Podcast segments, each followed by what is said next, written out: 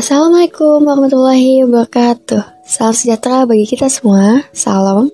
Om Swastiastu, Namo Buddhaya, dan salam kebajikan.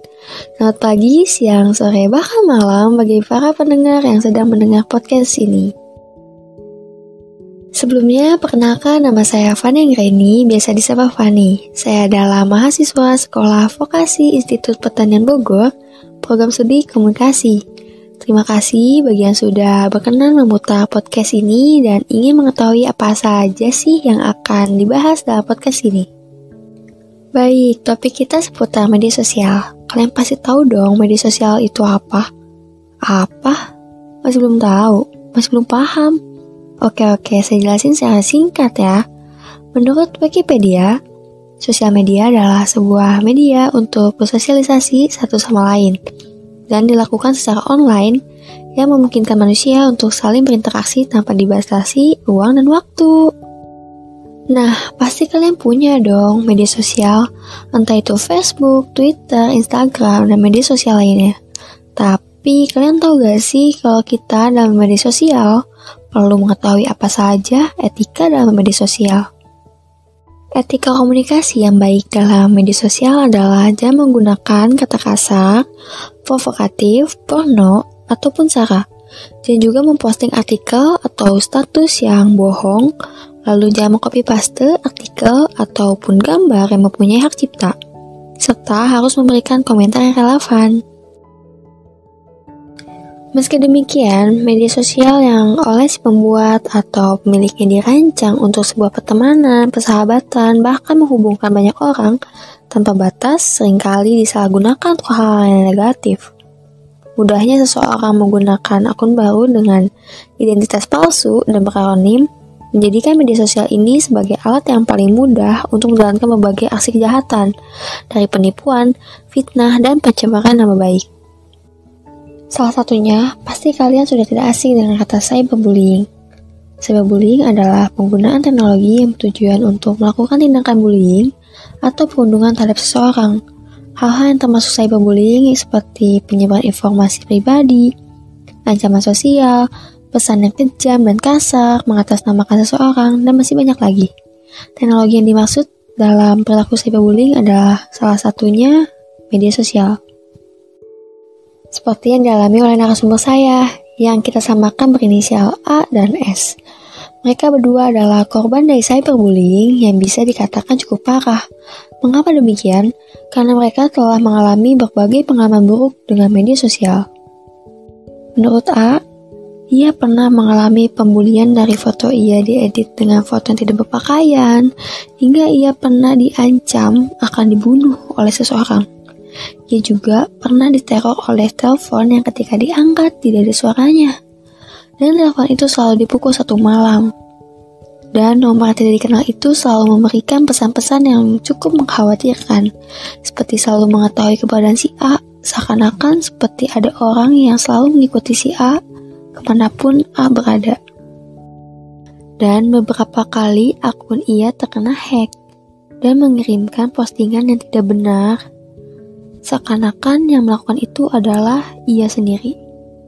Sedangkan si S bercerita bahwa ia mendapati komenan yang sangat menjatuhkan mentalnya, dari perkataan yang sangat kasar sampai body shaming. Ia juga mendapatkan pesan-pesan dari media sosial yang sangat membuatnya jatuh. Ia juga pernah difitnah tentang hal yang tidak ia lakukan. Semuanya terjadi secara jangka lama sehingga membuat S cukup depresi. Kepribadian dua narasumber ini sangat bertolak belakang.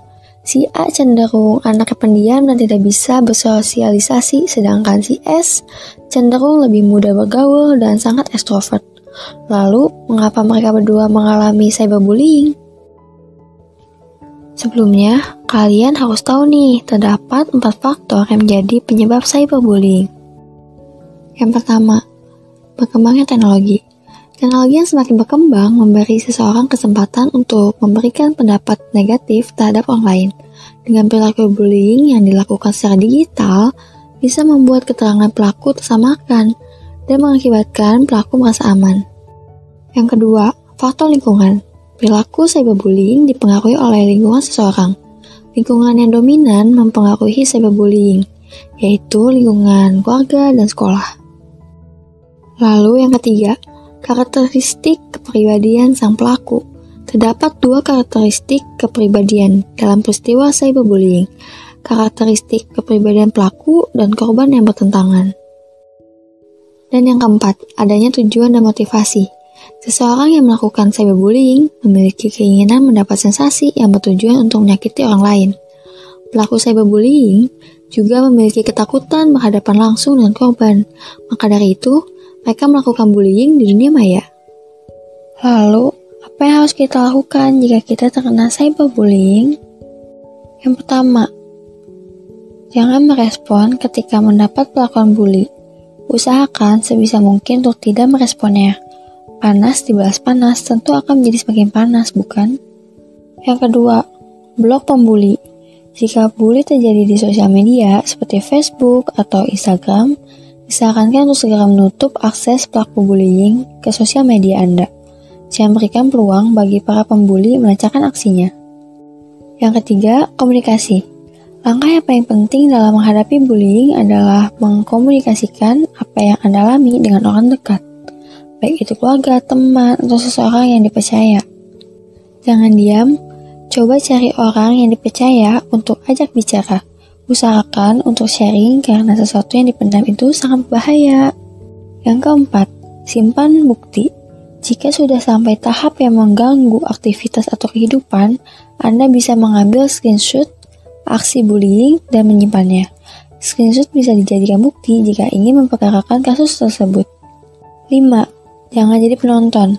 Jika Anda menyaksikan atau mengetahui ada tindakan bullying, cobalah untuk tidak menyimaknya, jangan diam, tapi bantu orang tersebut.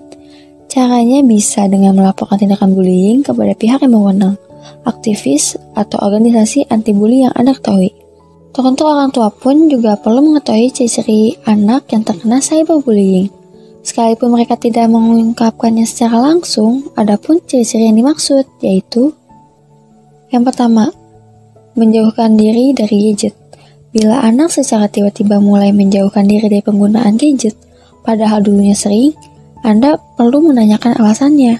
Sebab, minat seorang anak terhadap gadget secara alami akan menyusut ketika ia menjadi korban cyberbullying. Yang kedua, menghapus akun media sosialnya. Saat media sosial mengganggu kehidupan, biasanya seseorang akan memilih untuk menghapus akun mereka. Jika anak Anda melakukan hal yang sama, coba untuk cari tahu alasannya. Karena hal tersebut sangat umum dilakukan seseorang yang ingin melarikan diri dari perundungan. Yang ketiga, menanyakan cara memblokir orang. Anak menanyakan atau meminta bantuan orang terdekatnya untuk memblokir akun media sosial seseorang atau nomor seseorang itu berarti mereka sudah mulai terganggu dengan orang-orang tertentu yang ada di daftar pertemanannya. Bisa jadi orang yang ingin ia blokir ada pelaku perundungan. Yang keempat, lonjakan followers atau permintaan teman di media sosial. Memiliki teman atau followers belum tentu berarti baik ya. Pasalnya bisa jadi anak Anda ramai dibicarakan karena menjadi korban perundungan. Peningkatan jumlah teman di dunia maya atau followers secara tiba-tiba bisa mengindikasikan bahwa sesuatu sedang terjadi atau ada hal yang menarik perhatian, dalam artian negatif ya, apalagi kalau dia tidak menceritakannya. Ingat, kalau positif, anak-anak akan dengan sukarela menceritakannya kepada orang lain termasuk orang tuanya sendiri.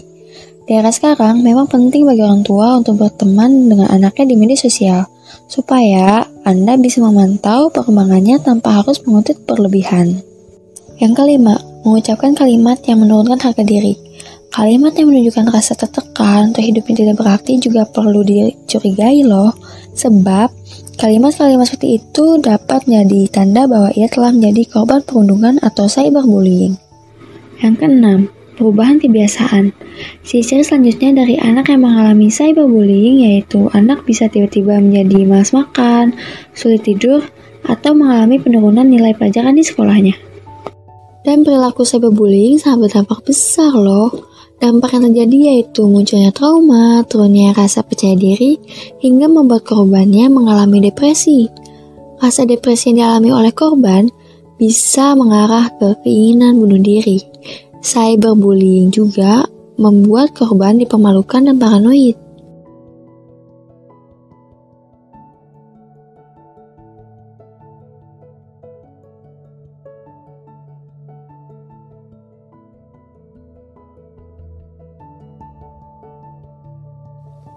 Oleh sebab itu, kita sendiri perlu melakukan proteksi untuk mencegah pelibatan kita dalam perilaku cyberbullying, baik sebagai korban maupun pelaku. Maka, bijaklah dalam menggunakan media sosial dan harus memahami etika dalam media sosial. Sekian dari podcast saya, semoga bermanfaat untuk para pendengar. Podcast ini dibuat untuk pemenuhan tugas kuliah teknik wawancara. Mohon maaf apabila ada kesalahan dalam tutur kata. Saya yang Reni undur diri, dan sampai bertemu lagi di lain waktu.